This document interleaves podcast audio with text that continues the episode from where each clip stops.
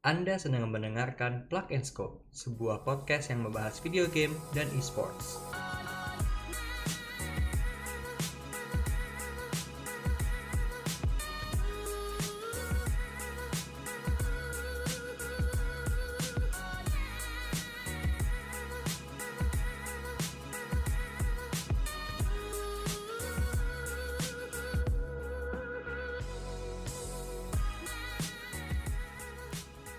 Halo guys, selamat datang di episode 1 dari Plug and Play.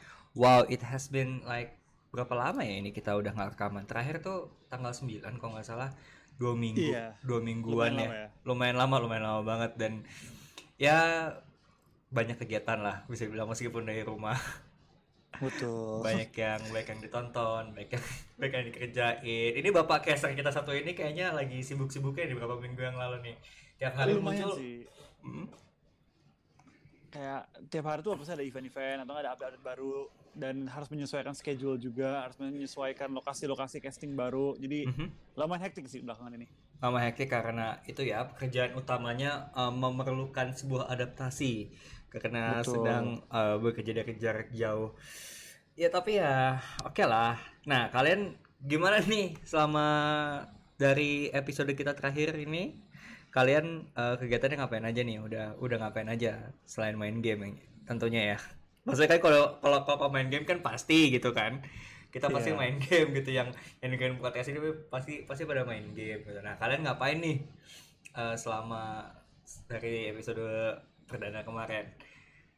Nanti kalian tulis ya di kolom komentar ya. Kita juga pengen tahu gitu siapa tahu ada ya kita bisa ikut-ikutan lah kegiatan yang ngapain aja. Iya. Nah ngomong-ngomong kegiatan main game nih, ah, eh, Florian atau Wolfie, gue kemarin manggil apa sih Wolfie ya? Wolfie, Wolfie. Wolfie ya, Wolfie. Ngomong kegiatan main game nih. Ehm, sebenarnya ada satu hal sih yang menarik tentang berkegiatan berkegiatan eh, bermain game di saat Iya. di saat eh, tidak ada kompetisi. Ngerti nggak lo? As a pro player ya, as a pro player, as a pro player gitu. Gua gue tuh ada kepo gitu loh. Apa sih yang yang biasanya para pro, pro player pro player ini baik dari game mana pun yang mereka lakukan gitu. Pas lagi di waktu lowong mereka ketika lagi off split atau off turnamen gitu loh. Lo kan juga udah pernah kan nyicipin turnamen kan kayak Iya. ya lo pernah jadi supportnya dari tim Aqua Project sekaligus owner gitu dan ko- pengalaman kompetisi lo di League of Legends tuh udah banyak banget lah gitu. Nah waktu lagi nggak ada LGS pada saat itu lo tuh biasanya ngapain sih Eh, dulu ya kalau nggak ada LGS tuh kebanyakan gue coba lepasin lah, lepasin pikiran gue dari League of Legends itu sendiri atau atau Hmm. turnamen sendiri. Hmm. Meskipun gue masih bermain League of Legends, gue bermain tuh kayak main ARA, main normal, ataupun kayak main sama temen-temen, main Hmm. fun-fun doang. Dan selain itu kayak gue menghindari nonton yang terlalu kompetitif. Gue hindari mikir-mikirin teori crafting. Jadi kayak pokoknya gue lepasin sejauh-jauhnya dari pikiran beban uh, turnamen gitu. Jadi lo kayak menjauh dari uh, kegiatan yang masih berbau-bau kompetisi League of Legends gitu ya. Betul. Teman-teman lo juga kayak gitu Flo atau siapa gitu pro player yang lo tahu gitu apakah ikutin patternnya kayak lo juga gitu atau gimana?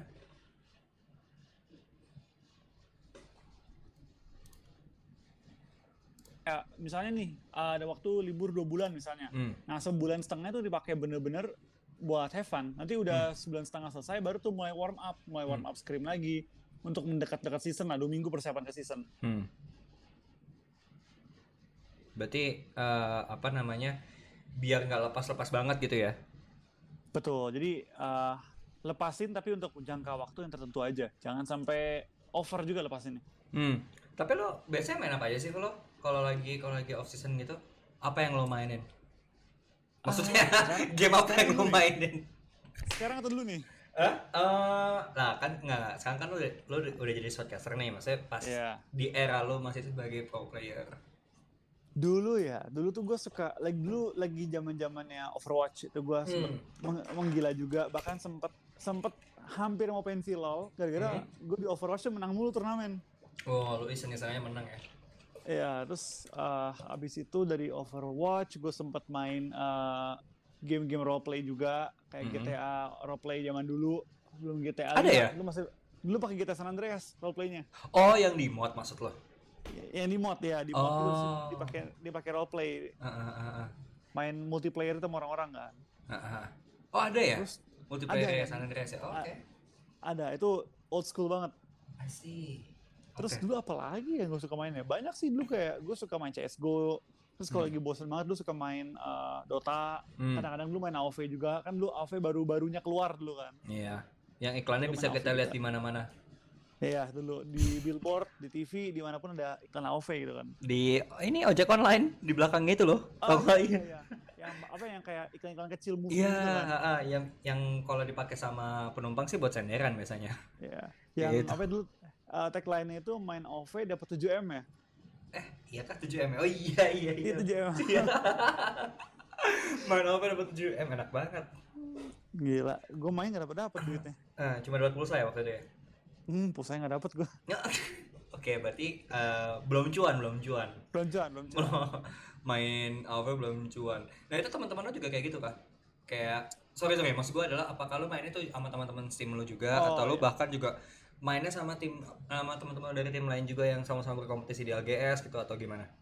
Campuran sih. Dulu gue kalau main uh, GTA itu sendiri. Karena Hmm. kayak gue ada komunitas gue sendiri, tapi ada teman-teman kayak sekolahan gue. Mhm. Kalau gue dulu main CSGO suka gabung bareng-bareng CSGO. Kalau Hmm. main kayak Dota itu kadang-kadang kadang-kadang ada main sama orang sama kayak uh, pro player lain juga. Mhm. Ya tergantung sih kayak gua kan nggak ada circle yang bener-bener circle banget. Ngerti gak sih kayak Mhm. oh uh, misalnya gue berdua belas ya kemain game apa pun ya berdua belas pindah ke mana pun jalan-jalan belas nggak ada gue tuh orang Hmm. kayak san- santuy aja kayak oh kalau main CSGO teman-teman gue ini kalau main Dota teman-teman gue ini kayak beda-beda gitu loh Jadi tergantung semuanya. tergantung tergantung yang yang ada aja gue orangnya kayak oh yang ada uh, yang main game ini si ABC yang apa apa gitu kayak santuy aja Beda-beda circle mainnya. semua ya berarti. Kayak iya ya misalnya lo lo sama gue main eh, LOL terus lo sama siapa ya sama Joshua. Orang di depan. Sama Joshua lo main FIFA gitu misalnya gitu ya. Iya jadi kayak gue tergantung game ya teman-teman gue game ya. Oh, pertemanan lo luas juga ya? Ya luas. Iya lumayan lah. Kalau dari game luas lah. Hmm, hmm. pernah cinlok nggak? Enggak nggak pernah. Nggak pernah cinlok di game. Oke oke. Pertanyaan gue kampungan sih tapi ya udahlah. Ya, tapi iya sih satu satu hal satu hal yang yang yang menarik untuk di apa ya dipelajari lebih lanjut itu kayak itu kan lo gitu loh. Tapi kayak pro player pro player lain kayak event yang di luar gitu loh di luar Indonesia. Pro, pro player yang di luar eh, Indonesia itu kayak mereka tuh seperti apa sih kegiatannya selama pas lagi off split atau kayak mereka lagi tidak eh, ada kompetisi gitu loh. Yang lo tau kayak gimana kalau kalau orang luar? Semisalnya gitu loh kayak eh kalau nonton di vlog-vlog pro player luar ya? Ya itu ketika mereka off season tuh bener-bener ya lakuin apa yang mereka suka. Ada Mhm. yang suka traveling mereka bakal keliling dunia. Ada yang ke Mhm. Jepang berapa kali ngevlog di luar negeri. Ada yang Mhm. mereka pergi ke Korea. Hmm, ada juga yang misalnya sukanya itu ke pantai. Ya mereka bakal liburan tuh kayak ke pulau-pulau terpencil bener-bener nikmatin liburan mereka. Ada yang pulang ke rumah orang tua mereka menikmatin waktu di- rumah. Hmm, ada juga yang kayak bakal ya bener-bener have fun aja. Misal kayak dia tetap main game yang dia mainin kayak Hmm. LoL misalnya tapi dia Hmm. streaming sambil streaming lucu-lucuan main rank terus kayak ngetrol ngetrol smurfing smurfing gitu ya smurfing jadi kayak bener-bener mereka sebisa mungkin lepasin dari pikiran beban kayak wah ini liburan nih dua bulan saatnya gue nge-grinding dua bulan buat nge Iya, untuk untuk untuk ngejar target itu ya ya nggak gitu ya sebenarnya. Karena banyak banget Iya. kegiatannya. Selain selain karena Hmm? kayak saatnya ngejar target tuh bukan pas liburan pas lagi season gitu kan kayak Mm-mm. lagi season lu harusnya all out lu abis latihan main lagi terus aja sampai 4 bulan 6 bulan 6 bulan lu istirahat atau sudah bulan kan Iya.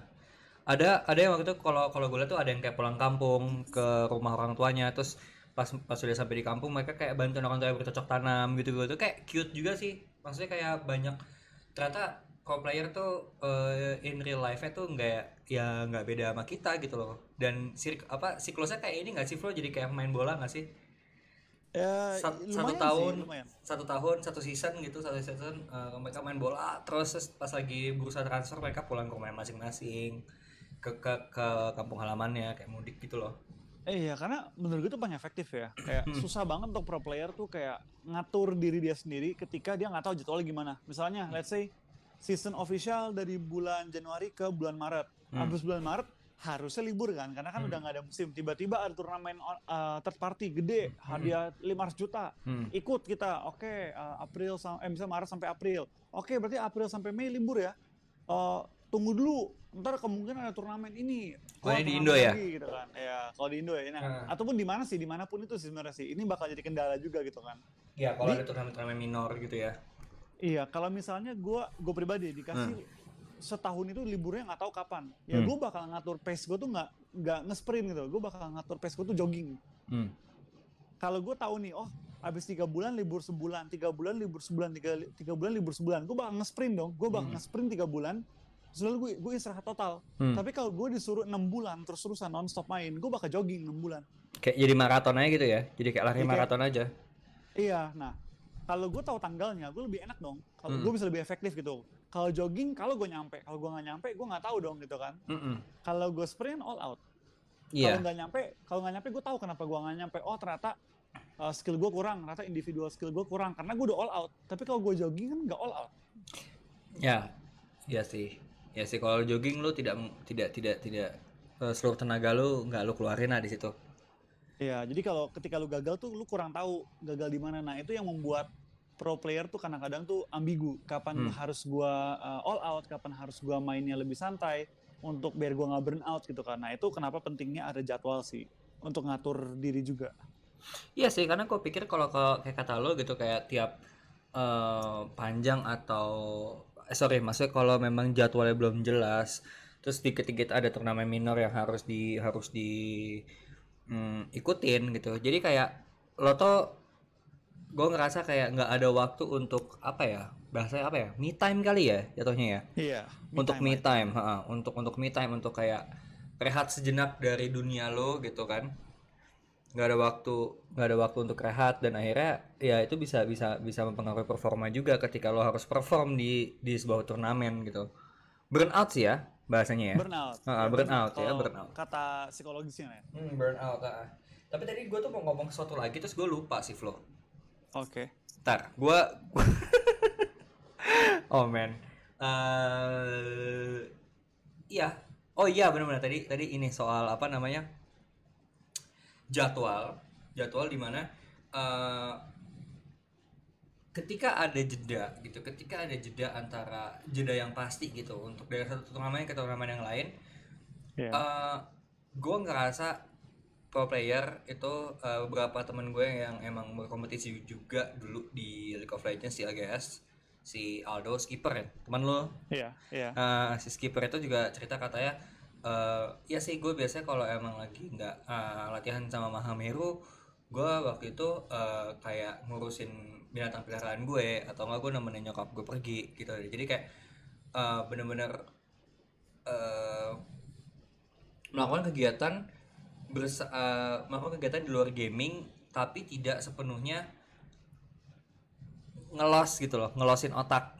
Iya. jadi bener-bener biar bi- biar otaknya kerja terus gitu. Dan itu juga yang yang beberapa kali gue lihat di eh, Europe ya gue waktu itu nontonin gue nontonin eh, vlognya Perks terus Cap sama yang kos oke gue gue fans G2 nah itu gue eh ngeliat mereka ada yang ada yang dagang gitu loh ada yang dagang ada yang jadi bakery juga gitu ada yang jadi tour guide. Cap waktu itu sempat jadi tour guide di Denmark.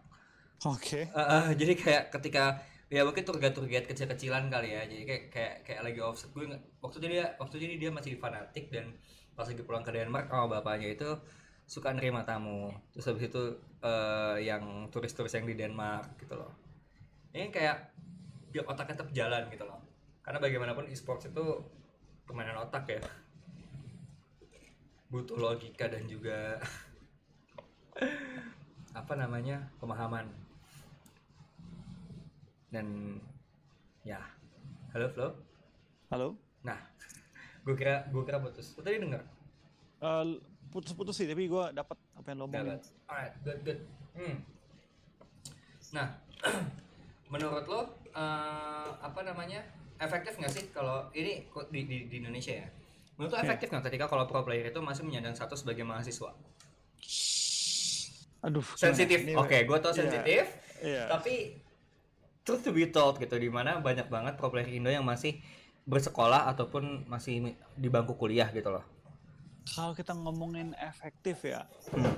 itu balik ke masing-masing lagi sih. Karena kalau lu punya anak yang masih sekolah atau Hmm. masih kuliah, itu yang dikorbanin setim. Kita ngomong uh, realnya aja ya. Hmm. Jadwal latihan lu itu harus ngikutin anak yang kuliah atau lagi sekolah. Hmm. Jadi output lu itu juga bisa dibilang teratur dari anak sekolah. Oke, dia lagi lagi nggak ada ujian, Mhm. Sampai subuh.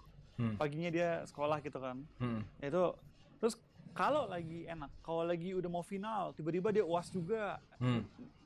ya lu mau korbanin mana gitu kayak lu apakah lu mau latihan terus anaknya nggak tidur berapa hari terus finalnya ngantuk atau mau gimana dan itu hal yang cukup sulit sih makanya kalau gua pribadi gua prefer kayak udah nggak ada tanggung jawab baru baru jadi pro player di mana lu bisa fokus satu ngambil cuti gitu ambil Hmm. cuti lu kelarin dulu setahun main pro player bener all out banget jadi pro player. Abis itu ya kuliah atau nggak lu lihat prospeknya gitu? Apakah lu mau lanjut atau enggak Hmm, jadi jadi lo tidak uh, merasa bahwa seorang pro player, pro, pro player yang masih menuntut ilmu itu malah nanti kasihan di dianya sendiri dalam arti uh, akan kesusahan dari dari dianya sendiri untuk menentukan apakah oke gue mau komit ke mana nih? Ke pendidikan atau ke atau ke uh, karir e-sports gue gitu atau Iya. atau gimana gitu. Gue rasa gitu sih gue rasa kayak dia harus pilih satu kayak apakah dia mau selesain dulu kecuali dia mau jadi pro player yang mungkin sementara kayak papan bawah gitu kayak hmm. ya latihannya yang seadanya sebisanya gitu kan. Dan mungkin kayak mungkin nggak juara mungkin kayak cuma peringkat papan tengah papan uh, tengah bawah Mediocre dan lah ya. naik lagi. Mediocre lah tapi kalau dia mau jadi the very best ya gue rasa nggak bisa. Harus bener-bener all out banget. Karena lawannya dia itu orang yang all out Iya sih, benar, benar. Atlet lawan semi pro kalau kalau bisa dibilang ya. Kalau emang Iya, lo masih setengah-setengah gitu. bisa bisa gitu ada kemungkinan lu bisa menang ya mungkin mungkinnya lu lagi performance lagi up upnya dia lagi down downnya terus ketemu di final bisa ya bisa aja gitu kan tapi Hmm. kalau kita ngomongin uh, average-nya ya harusnya dua-duanya all out Hmm. Alright. Iya sih. Dari dan pengalaman lo dulu ngebina tim e-sports juga lo selalu prefer orang yang lagi sedang tidak atau memilih untuk tidak punya tanggung jawab dalam dunia pendidikan gitu ya. itu preference gua tapi ada Preference. beberapa keadaan di mana kadang-kadang emang ada yang jago banget Hmm. misalnya lihat apalagi lu dengan kondisi misalnya nih lu tim dengan budget yang rendah Hmm. lu nggak bisa ngambil pro player, lu ngambil anak yang part time, misalnya dia sambil kuliahan, karena dia minta gaji yang nggak terlalu tinggi, dia rookie juga gitu kan. Hmm. Misalnya nih dia lagi dia lagi skripsi, lagi tahun terakhir, Hmm. dia jago banget pro player ya, lu ya compromise lah, lu ambil dia dengan statusnya sebagai rookie, tapi lu harus ya apa ya kayak ngatur jadwal tim lu juga, jangan sampai nge Hmm. Maaf, barusan kita terputus. Oke. Hmm. Nah, lanjut. Nah itu sih pentingnya. Tapi ya baik lagi itu kayak itu harus dipertimbangkan sih. Semua tim punya pertimbangan masing-masing. Hmm. Dengan, dengan kekuatan finansial dan kekuatan um, organisasi itu sendiri ya, in general. Dan Ya, individual skill player juga. individual skill player itu tersebut. Alright, good, good, good. Kalau gitu ya memang banyak sih ya yang bisa di yang bisa diekspos dan dilakukan sama para pro player ini pas lagi off split gitu. Apalagi Iya. sekarang lagi WFA dan lain-lain gitu dan oh iya omong-omong PMPL dan lain-lain lancar loh selama WFA gini. Eh, dibilang lancar lancar, tapi Hmm. di adjust lah, di adjust dengan eh, nggak adanya live turnamen Hmm. ya, dibikin semua main dari rumah Mhm. dan iya tapi masih lancar sih, masih berjalan berjalan mendekati schedule realnya. Betul dan akan diadakan tanggal 1 Mei ya nanti ya ini PMPL Iya, Grand betul. Finals. Alright. Jadi guys jangan ketinggalan ya. Kalau yang mau lihat-lihat Mas Florian atau Mas Wofi lagi casting ya nanti kita share lah ya ininya link-linknya kalian bisa nonton di mana gitu-gitu. Nah, Flo, Oke. PMPL kan mau jalan nih. Gue Iya. sih bilang player PUBG beruntung nih, PUBG M nih. Mereka me- mereka masih bisa tanding secara online. Tapi ada juga beberapa beberapa turnamen yang akhirnya harus di cancel man karena Iya. karena karena wabah seperti ini gitu dan salah satunya yang paling dekat dan paling besar itu mid season invitational dari League of Legends. Betul, itu kayak bisa dibilang event akbar juga ya dari dari League of Legends di mana itu Betul. bisa dibilang kayak akbar bagian Spring Split. Betul, Akbar bagian spring, eh, spring split atau kayak paruh pertama di tahun tersebut di season tersebut. Nah, Betul. tapi sebenarnya nggak cuma MSI doang nih kayaknya yang bakal ke cancel. Tapi ya kita bakal bahas itu semua setelah kita break dulu. Oke, Flo? Oke. Oke, see you in the next segment, guys. Ya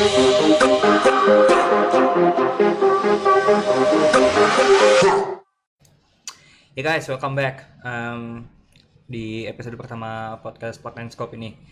So tadi sebelum kita break kita sempat ngebahas soal event yang akan di cancel ya, salah satu event akbar yang akan di cancel di pertengahan bulan Mei ini yaitu MSI atau Mid Season Invitational yang akan diadakan oleh League of Legends. Yaitu kalau kalian belum tahu MSI itu um, salah satu ajang akbar yang dilakukan setelah Spring Split uh, berakhir dari semua kompetisi League of Legends di seluruh dunia yang akan mempertemukan juara-juara dari regional-regional uh, masing-masing. Ini sayang banget Betul. sih, sayang banget sih di cancel karena um, kita apa ya para penggemar League of Legends gitu, yang di Indonesia maupun yang di luar negeri gitu kayak nungguin banget uh, MSI karena banyak banyak yang bilang MSI itu lebih tegang dan lebih intens dan lebih suspense juga dari Worlds karena bener-bener juara satunya langsung face to face ya. Apalagi banyak banget tim-tim yang uh, di, di split ini tuh uh, apa ya cukup mengejutkan lah bisa dibilang. Kita nggak usah ngomongin SKT atau G2 lah. Kayak comebacknya Cloud9 di international stage di spring itu menurut gue wow banget gitu. Karena karena terakhir kali MS eh terakhir kali eh, Cloud9 eh, masuk di ajang internasional selain Worlds atau yang setelah Spring ya di MSI itu waktu MSI masih namanya All Star jadi kayak Betul. 2014 jadi kayak mereka udah menantikan enam tahun untuk kembali uh, mewakilkan North America di eh, di sebagai Spring Split Champion eh tahunnya di cancel MSI-nya feels bad man feels bad Feels bad banget sih. Feels bad Dan banget. M- MSI itu kalau gua nggak salah ya Hmm. itu menjadi turnamen tu- internasional pertama yang di cancel. Iya, iya betul. Yang langsung di cancel bahkan jauh hari jauh-jauh dari uh, tanggal yang ditetapkan gitu loh. Betul, dan gue yakin sih banyak banget yang nanya, kok MSI doang, kok Hmm. turnamen-turnamen lain masih berjalan, kok yang internasional-internasional? Nah, menurut gue pribadi ya, ini mungkin berdampak juga karena Mm-mm. Oke, nggak mungkin mereka bikin online. Mau main gimana Betul. online pun nggak nggak bisa gitu, kayak nggak ada cara lu bisa connect dari Asia main di server Amerika gitu. atau Amerika di Eropa. Betul, mereka bilang, oh kenapa nggak ambil titik tengah aja di Eropa, di antara Amerika sama eh, Asia. Tetap aja ping lu 200, yang Eropa enak, pingnya 7 gitu kan. Iya. Mereka belum punya ded- dedicated server kayak PUBG gitu ya? Enggak, mereka belum ada regional gede kan. Mereka kan per region kecil kan. Dan itu yang ngebuat mereka agak susah buat ngejalanin MSI. Kira-kira kapan ya? Biar apa eh, Riot atau ya Riot bisa punya eh, server besar gitu. Jadi hal Susah seperti sih. ini nggak nggak Su- nggak kejadian gitu. Kayaknya emang masih limitasi teknologi sih. Kayak lu susah banget kan connect ke Amerika tanpa ping yang gede banget gitu kan. Dan itu masih butuh belasan puluhan tahun mungkin untuk diselesaikan. Ya sih karena ya komputer juga sih ya. Iya. Ya masih dari PC gitu. Nah tapi selain MSI, event apa lagi Flo yang lo tahu yang kira-kira ada rumor-rumor di cancel? So far belum ada sih. Gue belum tahu apa pun yang di cancel. Tapi yang gue tahu kayak sekarang udah pada transisi ke online semua kan. Bahkan dari uh, final-final LoL ya di semua Hmm. region kan ditransisi jadi hampir semuanya, hampir semuanya jadi offline ataupun online kan. Iya betul. Oh, kalau LCK kemarin gue tahu itu offline tapi tanpa penonton sama sekali dan ketat banget. Benar-benar mereka tuh harus dicek dulu, dites dulu baru boleh masuk. Di- di- mereka masuk pun dijaga banget gitu. Betul. Harus steril banget lah. Rasa seru banget dan gue rasa itu masih bisa dilakuin karena kan masih di region mereka masing-masing server masih satu ketemunya lawan juga ya tetanggaan lah lawannya gitu kan Mm-mm. dan mungkin kalau misalnya ya turnamen Asia Tenggara itu masih bisa jalan Asia Tenggara mungkin se Asia pun bisa jalan sama kayak Eropa gitu kan Eropa mau satu Eropa pun bisa- masih ayo lah gitu Masih pingnya ayo. masih masih wajar lah pingnya gitu kan beda cerita kalau misalnya Asia Tenggara main di turnamennya Eropa udah nggak bisa tuh udah nggak bisa ketemu titik tengah gitu Titik tengahnya nggak bisa. Lo main di server Dubai juga ya gimana ya? kayak nggak efektif loh kayak buat Ah. turnamen internasional pro playernya pada nge-lag gitu kan Mhm. nggak apa ya nggak nggak proper gitu iya nggak appealing banget nah itu sih PR untuk turnamen-turnamen bentar lagi nih kan bentar lagi udah mulai masuk ke final-final season spring kan? Udah mau kita mau transisi ke fall kan? Ah, ke fall ya ISL salah satunya yang yang lagi sering-seringnya bikin acara. Terus eh, ya kalau emang masih kayak minor yang kayak di Europe atau yang kayak di Rio, de Janeiro itu mungkin masih oke kayak kata lu kayak LCK gitu yang yang lu Iya. bilang. Tapi ada ketika ada major itu loh yang yang gue pikirin gitu yang yang mereka nggak punya dedicated server yang bisa menggabungkan pemain-pemain dari belahan dunia lain untuk bisa bermain di satu server tuh kayak agak susah sih ya itu itu sih makanya alasan MSI di cancel dan ya bukan yang maksud nakut-nakutin ya tapi kalau ini terus terjadi ya kemungkinan bisa juga cancel cancel turnamen lain nggak terlepas dari TI nggak terlepas dari major-major Dota lainnya dari CS:GO ma- eh, ESL juga kemarin sempat bermain tanpa penonton kan di Betul. Yang Jito Kata lawan West ya? Navi. Iya, Jito versus Navi. Nah itu sempat nggak ada penonton juga dan ya, ini bakal terus berjalan sih sampai benar-benar clear aman gitu kan secara global. Iya, turnamen regional mungkin akan jalan tapi yang yang skala internasionalnya itu yang yang lo khawatirin ya Iya. jika ini terus berlanjut. itu bakal susah karena selain emang logistiknya nggak bisa ya logistik internetnya datengin datengin pemainnya pun nggak bisa datang ke sini karantina dua minggu Iya. Belum visanya kalau kayak gini. Iya visanya itu nggak bakal keluar bakal tanya lu ngapain nih keluar keluar negeri jauh-jauh gitu kan main game. Nah, gimana ya, Bos? stay at Iya. home Stay at home. Nah, tapi Flo, tapi lu ada ketakutan nggak game-game yang lagi lu castingin gitu kayak misalnya PUBG M atau apa pun itu bakal di cancel? I mean like di setelah ini kan setelah PMPL ini kan bakal ada East eh, East Asia League ya. iya Ya itu East Asia kan it's not as small as Southeast Asia gitu loh. iya Ada, itu akan ada India dan lain-lain. Hah? Itu gimana? itu challenge itu bakal jadi challenge sih kayak eh, mungkin ya mungkin bakal diundur-undur gua nggak tahu itu mungkin mencari apa ya, kayak menunggu aman dulu ya itu Mhm. mungkin atau kedua ya jalanin karena yang gua tahu kalau kita main gue pernah main dari Korea gitu kan gue Mhm. pernah main main dari Korea gue main di server Indonesia Hmm? ping gua masih 30-40an Oh masih iya? playable ya Oh ya? Wow, how come? ya mungkin internet sana imbal banget ya gue nggak tahu yang pasti gue main dari Korea waktu itu main PUBG di Indo tuh ping masih 40-an dan gue rasa kayak harusnya nggak terlalu drastis juga sih dari negara-negara lain main di server-server Tenggara ya Hmm, bisa jadi sih. Kalau emang server lu, eh eh, sorry, kalau emang internet internet provider luar bisa sekenceng itu sih ditaruh di Asia Tenggara kayak nggak masalah deh. Iya, Harusnya kalau ya. un- untuk Eastern World League ya, gue rasa nggak akan nggak akan ada ya, Eastern ya Eastern World League nggak akan ada masalah sih. Kayak be it offline, be it online itu bisa berjalan. Yang ngeri itu udah globalnya, itu Mhm. bakal PR banget. Ya, ada yang dari North Amerika juga kan, ada yang dari Europe juga. Iya, Dan- itu yang nggak bisa disatuin sama Asia gitu kan, terlalu jauh jaraknya. Iya, iya, iya, iya, iya. Ah, cukup mengkhawatirkan sih ya. Apalagi ini Iya. nanti nggak nggak akan cuma PUBG M, nggak akan cuma MSI, nggak akan cuma Major Major Dota. Kita masih ada MDI, eh, eh MD2 sorry dari dari Mobile Legends kan. Iya, M2, M2, M2, MD itu, M2, M2, M2 dari Iya. yang katanya rumornya bakal dia dari di Indonesia tadinya kan. Betul, itu bakal jadi PR juga. It's a big Apakah- blow banget gak sih? Iya, kayak akhirnya Jakarta nih gitu kan. Eh, ke Jakarta tapi taunya ah di cancel no. Kita belum pernah kita belum pernah punya perhelatan e-sports besar loh, eh, Flo setelah Asian Games 2018.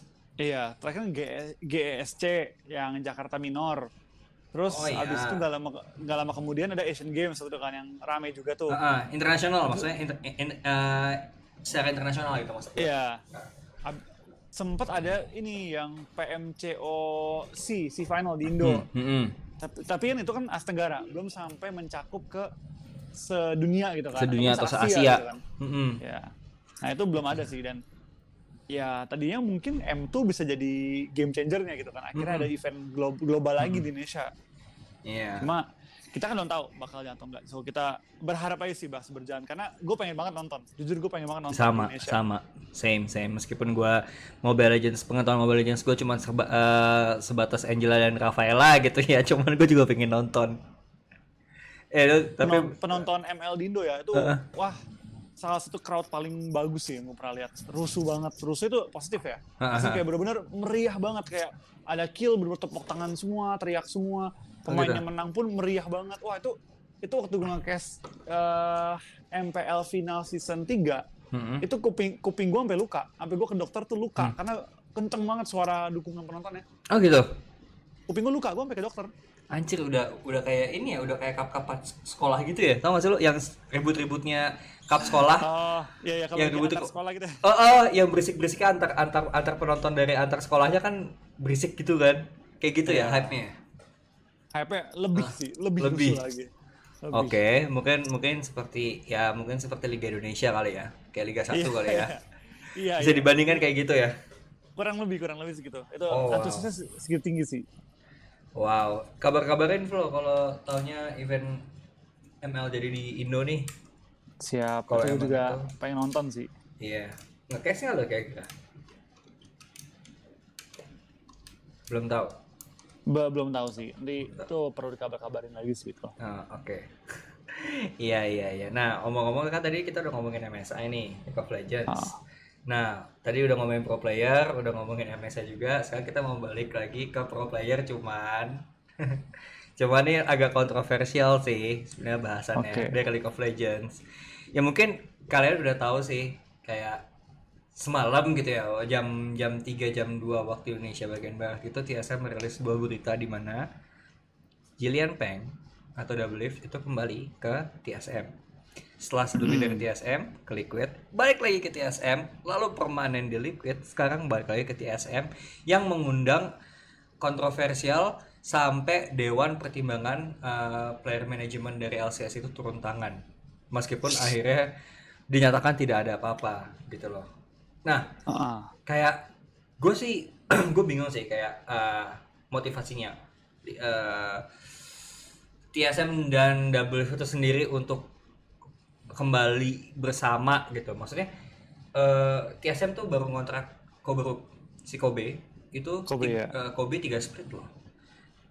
Dan tiba-tiba baru baru atau split.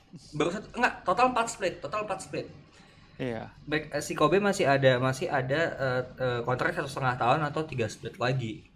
Nah maksud gue gini loh eh, pertanyaan gue nih yang mau gue bahas nih dari perspektif lo eh apa sih yang membuat akhirnya sebuah pemain itu sebuah player itu akhirnya kembali lagi ke environment yang sebelumnya padahal dia tahu banget di environment sebelumnya itu dia sukses tapi kesuksesannya terbatas gitu kayak ada limitnya pertama itu kedua etis nggak sih kayak gitu sebenarnya secara bisnis dan juga secara uh, human resource kita kalau ngomong double lift ya dia selalu jadi rivalnya TSM dari dulu dari dia masih di CLG CLG tiba-tiba pindah ke TSM Mhm. tiba-tiba dia pensiun satu season Mhm. dia abis itu main di tim Liquid nge-sub doang Nge-sub. kan nge-sub i- sub in Lone- balik ke lone T- player. Iya lone player balik ke TSM pindah ke Liquid balik ke TSM lagi jadi kayak Hmm.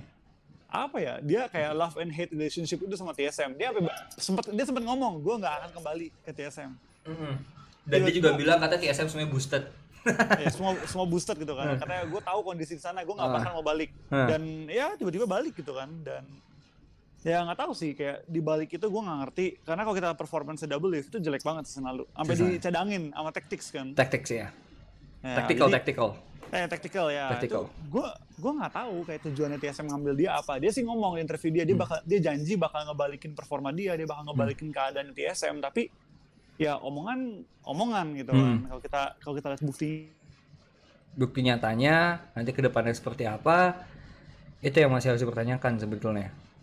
Tapi mungkin juga dari TSM emang approach Double Lift. Karena kalau kita lihat di Instagramnya Double Lift dia itu deket sama pemain-pemainnya TSM terutama supportnya si Biofrost kan. Biofrost Biodaddy ya. Iya itu deket, deket banget sama dia. Jadi mungkin si Biofrost kayak ngomong gue cocok main ADC sama lu eh Hmm. sama Double Lift ngomong ke manajemen manajemennya pertimbangin gitu kan. Hmm. dan mungkin bisa dibilang manajemennya give a second chance third chance lah hitungannya. Dan pas banget juga TSM baru ngumumin uh, punya fasilitas baru gitu kan. Mungkin Hmm. dari Nama- Double Lift 50 juta US dollar by the way guys. Iya iya itu fasi itu fasilitas gede banget itu kayak kayak komplek latihan lah gitu kan Mm-mm. Nah itu mungkin membuat Double Lift mikir kayak oh nih nih orang-orang akhirnya serius gitu kan. Seserius itu untuk menangin kompetisi internasional dan dan bukan jadi juara ke apa jagoan kandang lagi. Betul, tapi ya kalau di balik itu kita nggak tahu kan. Kayak, Nah, di balik banyak lah. di balik itu sebenarnya faktornya ada satu ada satu faktor real atau faktor konkret juga di mana Double Lift menolak perpanjangan kontrak bersama Liquid. Betul, dan dia ngomong, dia menyatakan kalau dia ngomong sama Steve, dia Hmm. pengen pindah tim dan Steve pun setuju. Lu Hmm. kalau mau pindah, ayo gue bantuin dan mereka kayak nyari-nyari tim yang mau narik dan menampung Double yang pada akhirnya satu pilihan terbaiknya ya TSM gitu. Ya, karena ya udah deket juga sama Bjergsen, terus deket sama Park juga. Nah, Iya. terus ada eh, deket sama Lina ngaruh nggak? Ah, gimana ya? Gimana ya? gimana ya? Tapi emang terbukti gitu, dia kan uh, pacaran sama uh, bisa bos Presiden. TSM. Presiden TSM. Ya, salah satu petinggi TSM lah gitu kan. Hmm. Nah, tapi ya gua nggak tahu ya, karena namanya profesionalitas kan di balik apa ya? Bisa dibilang profesional harusnya kan tunjukkan di mukanya, tapi kan kita Hmm. nggak tahu apa yang Hmm. terjadi di belakang sebenarnya. Hmm. Jadi mungkin ada pengaruh juga, mungkin gak ada pengaruh, kita nggak tahu. Karena kan Hmm. itu nggak pernah diumumin. Kita ngomongin apa yang Ah. ada faktanya aja. Ada Kalau faktanya fak- aja. Ka- kalau nggak ada faktanya kita nggak bisa ngomongin atau enggak kan. Cuma bisa menkonspirasi doang. Tapi kan ini podcast, Flo. Iya. ini kayak- podcast. Kalau menurut gue ya, kalau emang dia mau balik, kenapa baru balik sekarang gitu? Dia kan udah pacaran lumayan lama.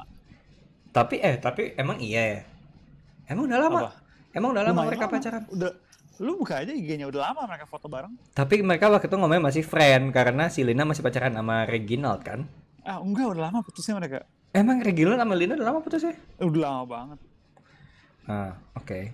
Oke. Hah, gimana ya? ya, mungkin sih gue rasa karena waktu itu masih ada kontrak juga nggak sih sama Liquid. Makanya nggak balik-balik dan waktu itu TSM juga, ya TSM lagi hancur-hancurnya gitu. Mereka nggak punya jungler sampai sekarang pun mereka nggak punya jungler sih. Kayak Mungkin sih. kayak nggak stabil gitu loh. Sedangkan Liquid udah punya udah udah udah udah, udah lebih settle kayak ada Xmity, Jensen, Iya, gitu-gitu itu kan.